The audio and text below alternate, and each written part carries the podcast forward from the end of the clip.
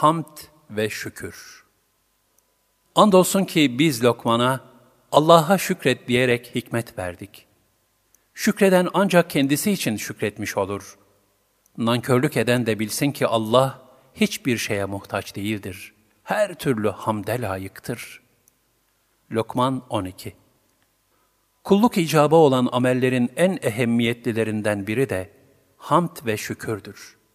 Bu keyfiyet, Kur'an-ı Kerim'in ilk ayet-i kerimesinin Elhamdülillahi Rabbil Alemin Hamd, alemlerin Rabbi olan Allah'a mahsustur suretinde varit olmasıyla da sabittir. Cenab-ı Hakk'ın sonsuz azametinin, ilahi sanat ve sıfat tecellilerinin medih ve sena edilmesi hamd. Onun sayısız lütuf, nimet ve ikramlarına karşı lisanen, fiilen ve kalben methü sena ve teşekkürde bulunulması da şükürdür.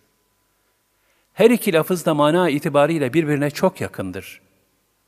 Gerçekten varlıkların en basitinden en mütekamiline kadar hiyerarşik teselsülünde zirve noktasını teşkil eden insanın böylece eşrefi mahlukat yani varlıkların en şereflisi olmasının tabii bir icabı olan hamd ve şükür, dinin en derin ve en mühim meselelerinden biridir. Yaratılışındaki izzet ve asaleti muhafaza etmiş olan her insan, kendisine bir bardak su ikram edene bile vicdanen bir teşekkür borcu hisseder. Hal böyleyken insanoğlunun bütün nimetlerin kaynağı ve ikram edeni olan Rabbine karşı alık ve abuz kalması akıl, izan ve vicdan dışıdır. Bu hal ancak düşünce yoksulluğu ve his donukluğunun bir ifadesidir. İnsanın idrak ve zevkinin kat kat ötesinde bir gelin odası hassasiyet ve itinasıyla tezyin edilen bu cihanın, sayısız ilahi kudret tezahürlerini sergileyen zerrelerin, hücrelerin, binbir çeşit koku ve renkteki çiçeklerin ve meyvelerin, en sevimlisinden en vahşisine kadar hayvanların ve bütün eşyanın karakterlerine göre hususi ve acayip bir şekilde tanzim ve tertip edilmesi, icat bediası olan insanı kamilin kulluk vazifesini layıkıyla ifa edebilmesi içindir. Gerçek mümin, akıl, vicdan ve kulluk şuuru içinde yaşamaya gayret eden faziletli kişidir. Layıkıyla şükreden bir kul olmak isteyenlere sadece nimetleri tanımakla iktifa etmek yetmez. Asıl nimet sahibini bildikten sonra bir de ona karşı icap eden vazifeleri yerine getirmek zarureti vardır. Çünkü nimetlerin bu şekilde Allah'a izafe edilmesi, insanları ona meylettirmek, kalpleri marifet ve muhabbetle filizlendirmek hususunda feyyaz bir müessirdir. Hiç şüphesiz kainatta Allah'ı hamdle tesbih etmeyen hiçbir zerre yoktur. Hayvanlar bile tesbih ve niyazlarını bilirler. İnsan dışındaki mahlukatın gayri iradi yapmış oldukları tesbihata teshiri tesbih denir. Bunlar sadece ehli kalbe açık ve ayağındır. İnsansa varlıklar zincirinin en mütekamili olduğuna göre, onun hamd ve şükrünün de bu mükemmelliğine yakışır bir şekilde olması icap eder. Şükründen gafil olduğumuz bütün nimetler, hakikatte bir nevi külfete inkılap eder. Bizde bıraktıkları tortu yalnız vebal olur. Her kulun nimetin sahibini tanımakla şükranda bulunması asli vazifesidir. Nimet nedir? Bunun ölçüsünü verecek olan Kur'an'ın nuru ve feyzidir. Bize nimetlerin gerçek mahiyetlerini bildiren yine Kur'an-ı Kerim'dir. Kainatın hikmetini ve insanın mahiyetini kavrayabilmek şükürle mümkündür. Allah Celle Celaluhu Kur'an-ı Kerim'de andolsun ki biz Lokman'a Allah'a şükret diyerek hikmet verdik. Lokman 12 buyurmaktadır. Ayet-i kerime muktezasınca şükredene hikmet ve esrar aleminin gerçekleri sergilenmekte, bunun da şükür halinin devamı için lütfedildiği beyan edilmektedir. Cenab-ı Hakk'ın bu alemde iradesini tecelli ettirişi dört surette gerçekleşir. Bir lütuf, iki kahır, üç lütuf suretinde görünen kahır, dört kahır suretinde görünen lütuf. İnsanlar hadiselere eşyanın sırf satığını gösteren aynalar gibi baktıklarında, onların sadece dış yüzünü kavrar ve ekseriya yanılırlar. Lakin aklı vahiy ilahi ile terbiye edip, onun tıkandığı yerde adeta bir röntgen gibi kalbi selimle nazar edebilenler, hikmete vukufiyet bereketiyle birçok telaş ve ızdıraptan kurtulurlar. Nitekim Kur'an-ı Kerim'de sizin için daha hayırlı olduğu halde bir şeyi sevmemeniz mümkündür. Sizin için daha kötü olduğu halde bir şeyi sevmeniz de mümkündür. Allah bilir, siz bilmezsiniz. El-Bakara 216 Ayet-i kerimesiyle kahır suretinde görünen lütfa ve lütuf suretinde tezahür eden kahra işaret edilmiştir. Diğer taraftan idrak ve izan gelişip kalp tekamül ederek zirveye doğru tırmandıkça, nimet telakkisi değişiklik arz eder ve avamın zor ulaşabileceği bir mükemmellik kazanır. O zaman kahır tecellisinde bile icabına göre bir ikaz veya nefse haddini bildiren bir hikmet payı vesaire olduğu kavranır. Hacı Bayram Veli'nin hoştur bana senden gelen ya gonca gül yahut diken demesi bu kabildendir.''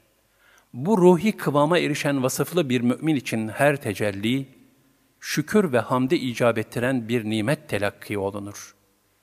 İnsanların avam kısmı, idraklerin nispetinde kahır içindeki lütfu veya lütuf içindeki kahırı ancak zamanla görebildiği halde, nefislerini teskiye neticesinde kendilerine hikmet verilenler, bunu evvelden görür ve kavrarlar.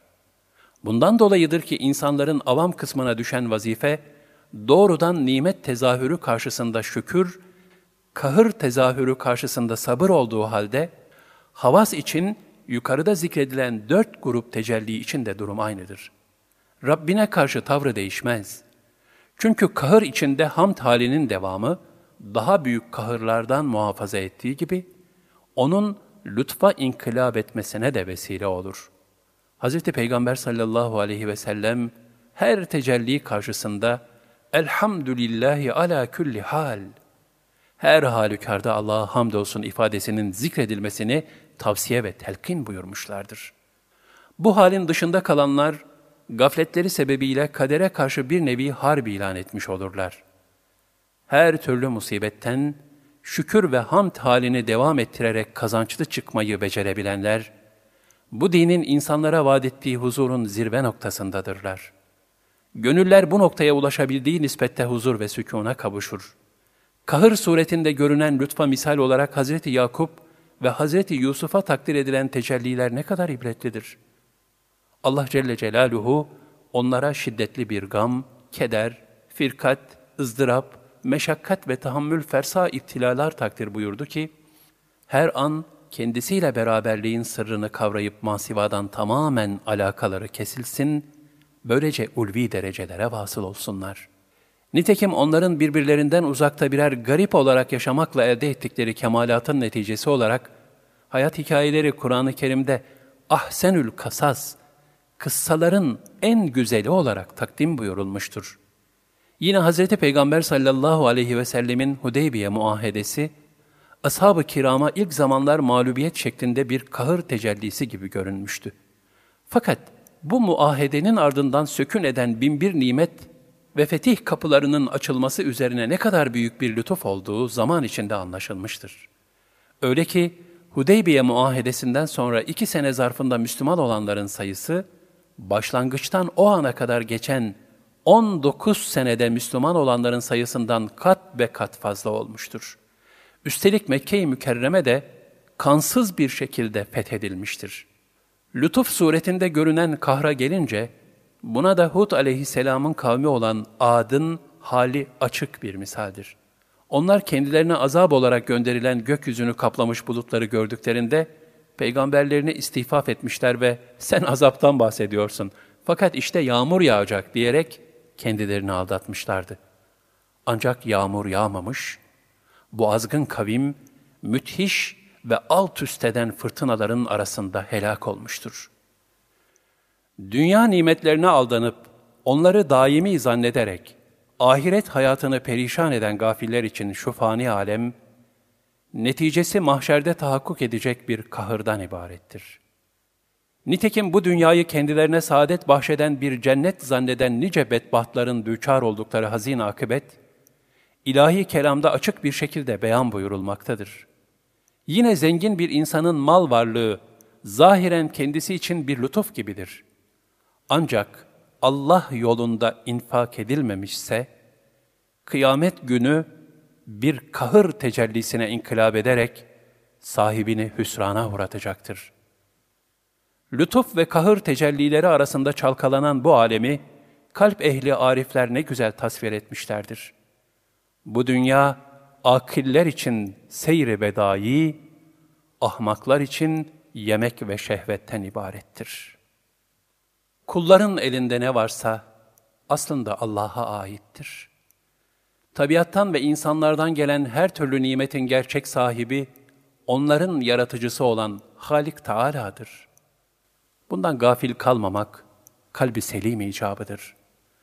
Mahlukat bir vasıtadan ibarettir. Çünkü her varlık bir vazifeyi ifa etmekle mükelleftir. Nimeti tevzi işinde bütün vasıtalar memur ve ameledir. Nimetin hakiki sahibi ve ihsan edeni, kainatın Rabbidir Celle Celaluhu.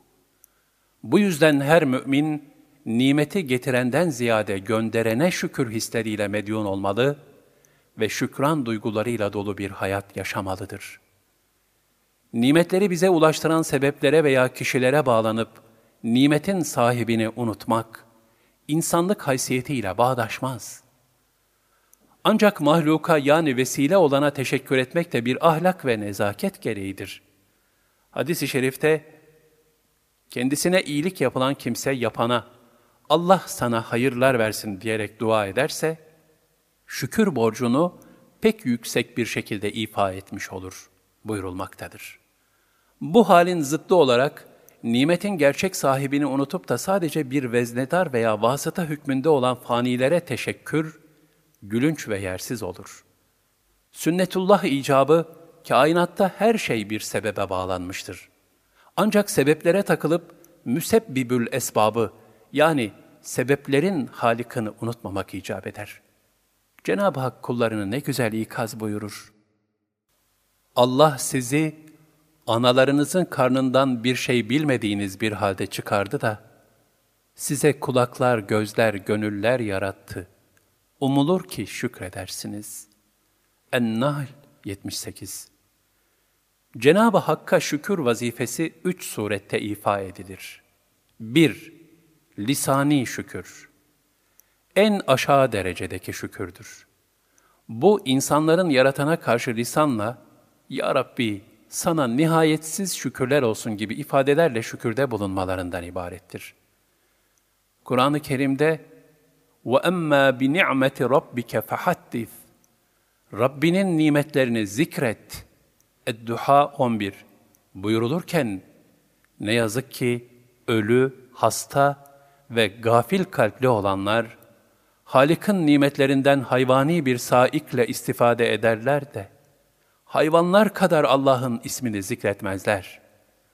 Ayet-i kerimelerde esfel-i safilin, aşağıların en aşağısı, ve belhum edal hayvandan daha aşağı şeklinde tavsif edilen bir duruma düşerler. 2. Fiili şükür. Allah'ın lütfettiği nimetleri onun yolunda emrettiği şekilde sarf etmektir. Bu bakımdan zenginliğin şükrü infak etmek, ilmin şükrü ihsan ve talimde bulunmak, bedenin şükrü ise her uzvu meşru bir şekilde hak yolunda kullanmaktır. 3. Kalbi şükür. Halika muhabbet ve marifetle bağlanarak her hale razı olmaktır. Gerçekte Allah'ın nimetlerine mutlak manada şükredebilmek mümkün değildir. Beşer gücü buna kifayet etmez. Bütün peygamberler bile layıkıyla şükredemedikleri için devamlı istiğfar halinde olmuşlardır.'' Hazreti Peygamber sallallahu aleyhi ve sellem ben günde yüz kere istiğfar ederim buyurmuşlardır. Acaba bizler sırf layıkıyla şükredemediğimiz için bile günde kaç defa istiğfar etmeliyiz? Diğer taraftan hamd ve şükürde bulunabilmek de Rabbin büyük bir lütuf ve ihsanıdır. Yani diğer bir nimettir. Bu mantığı sonsuza kadar devam ettirdiğimiz takdirde görülür ki her şükür, ona muvaffakiyet sebebiyle yeni bir şükür borcu doğurur. Ve bu müteselsil şükürleri nasip eden Cenab-ı Hakk'a karşı, bu zincirin sonuna ulaşıp, şükür borcundan kurtulabilmek mümkün olmaz.'' İşte bundan dolayıdır ki mutlak ve kamil manasıyla şükür borcunun ifasından peygamberler dahil bütün insanlık acizdir. Bu hususta bize düşen vazife Allah'ın nimetlerini hakkıyla idrak etmekten ve bunlara karşı layıkıyla şükredebilmekten aciz olduğumuzu kabul ederek elimizden geldiğince hamdü senada bulunmaya, gücümüz nispetinde şükretmeye gayret göstermektir. Nitekim nefsini bilen Rabbini bilir hikmeti, Rabbi bilmenin nefiste tecelli eden ilahi sanat ve nimet karşısında kendi acziyetini idrak etmekten geçtiğini de ifade etmektedir. Nimetler sonsuz, lisanlar aciz, bünyeler zayıf. En büyük nimetlerden biri de o nimetlerin sahibini unutmamaktır. Nimetlere şükür, o nimetlerin artmasına vesile olurken, şükürsüzlükse azalmasına sebebiyet verir. Şükran cennet sermayesi, küfransa cehennem vesikasıdır. Şükürsüzlük hali küfranı nimettir. Yani ahmakça bir nankörlüktür. Mesela zekatı verilmediği için fiili şükrü ifa edilmeyen bir mal, nimet olmaktan çıkıp bir fitne haline gelir.'' sahibi için bir musibet sebebi olur. Cenab-ı Hak onları elim bir azapla müjdele. Et-Tevbe 34 buyurmaktadır. Yine Allah Celle Celaluhu ayet-i kerimelerde şöyle buyurur. ثُمَّ لَتُسْأَلُنَّ يَوْمَئِذٍ عَنِ النَّعِيمِ Sonra yemin olsun ki, o gece size verilen her nimetten sorulacaksınız. Et-Tekasür 8 لئن شكرتم لأزيدنكم ولئن كفرتم إن عذابي لشديد Nimetlerime şükrederseniz mutlaka artırırım. Nankörlükte bulunursanız iyi bilin ki azabım pek çetin ve şiddetlidir. İbrahim 7 فَذْكُرُونِي اَذْكُرْكُمْ وَاشْكُرُوا لِي وَلَا تَكْفُرُونَ Beni zikredin, ben de sizi zikredeyim. Bana şükredin, sakın küfranı nimette bulunmayın. El-Bakara 152 وَمَنْ يَشْكُرْ فَاِنَّمَا يَشْكُرُ لِنَفْسِهِ وَمَنْ كَفَرَ فَاِنَّ اللّٰهَ غَنِيٌّ حَمِيدٌ Şükreden ancak kendisi için şükretmiş olur. Nankörlük eden de bilsin ki Allah hiçbir şeye muhtaç değildir. Her türlü hamde layıktır.'' Lokman 12 Her insanın nail olduğu nimetler mukabilinde şükretmesi en mühim bir kulluk vazifesidir. Mümin bu idrake sahip olduğu müddetçe şükransız ve hamdü senasız olamaz. Yaratanın nimetlerine karşı bu şükran ahlakı, mümin için iman sermayesinin yarısını teşkil eder. Nitekim hadis-i şerifte, şükür imanın yarısıdır buyurulmuştur. İdrak sahibi bir kul, manevi ve ruhani meziyetlere sahip olan salihlere gıpta edip, onlar gibi olmaya gayret etmelidir. Maddi bakımdansa kendisinden aşağı durumdakilere bakıp haline şükretmelidir. Başta peygamberler, sonra evliya ve ulema, şükrü bir haline getirmişlerdir. Kur'an-ı Kerim'de Nuh aleyhisselam için innehu kana abden şekura muhakkak ki o çok şükreden bir kuldu. El-İsra 3 İbrahim aleyhisselam için şakiran li en'umihi Rabbinin nimetlerine karşı daima şükredici idi. En-Nahl 121 Lokman aleyhisselam için وَلَقَدْ آتَيْنَا لُقْمَانَ الْحِكْمَةَ اَنِشْكُرْ لِلّٰهِ Andolsun ki biz Lokman'a Allah'a şükret diyerek hikmet verdik. Lokman 12 buyurulmaktadır. Allah Resulü sallallahu aleyhi ve sellemin geceleri uzun uzun namaz kılmaktan ayakları şişerdi. Hz. Ayşe radıyallahu anha, Ya Resulallah, siz af ve mağfirete nail olmuş bir Habibullah'sınız. Vücudunuza bu derece eziyet reva mıdır deyince, o varlık nuru, ey Ayşe, şükredici bir kul olmayayım mı? buyurmuştur. Şükür bahsi derin ve uzundur. Onu layıkıyla izah etmek mümkün değildir. Gerçek şükrün feyiz ve bereketini ancak onu yaşayanlar idrak edebilir. Hülasa herkes kendisine verilen nimet nispetinde şükretmeye gayret etmelidir. Şöyle ki, alimlerin şükrü, Allah'ın kendilerine ikram eylediği ilmi ondan mahrum olanlara talim etmek ve onunla amil olmaktır. İmam-ı Azam'ın hali bunun en güzel bir numunesidir. Hanefi mezhebinin kurucusu olan İmam-ı Azam Hazretleri, ömrü boyunca ilmini en güzel şekilde infak etmiş, iştihatları kıyamete kadar devam edecek olan büyük müştehitlerden İmam Ebu Yusuf, İmam Muhammed, İmam Züfer gibi İslam dünyasını tenvir eden birçok alim yetiştirmiştir. O, ilmin şeref ve haysiyetini korumak, zalim bir halifeye alet olup yanlış fetva vermemek için zindanlarda çürüyüp kırbaçlanmayı zamanın en büyük makamlarından biri olan Bağdat kadılığına tercih etmiştir. Zenginlerin şükrü fe ahsin kama ahsenallahu ileyk. Allah sana nasıl ihsanda bulunduysa sen de öylece ihsanda bulun.'' El-Kasas 77 ayet-i celilesinin sırrına göre hareket ederek, malı hak yolunda gerekli yerlere infak etmektir. Malın gerçek sahibinin Allah olduğu idraki içinde olup, onunla gururlanmamak, israf etmemektir. Hülasa, agniya-i şakirinden olmaya gayret göstermektir. Şükre zıt bir davranış olan israf, Allah'ın verdiği nimeti horlamaktır, kötü yolda kullanmaktır. Ayet-i kerimede bu hususta acı bir ikaz olarak, sakın gereksiz yere saçıp savurma. Zira böylesine saçıp savuranlar, şeytanların dostlarıdırlar. Şeytansa Rabbine karşı çok nankördür buyurulmaktadır. Ehli hal kimseler, gaflet içinde yemeği, içmeyi, giyinmeyi ve bir eşyayı kullanmayı dahi israf addetmişlerdir.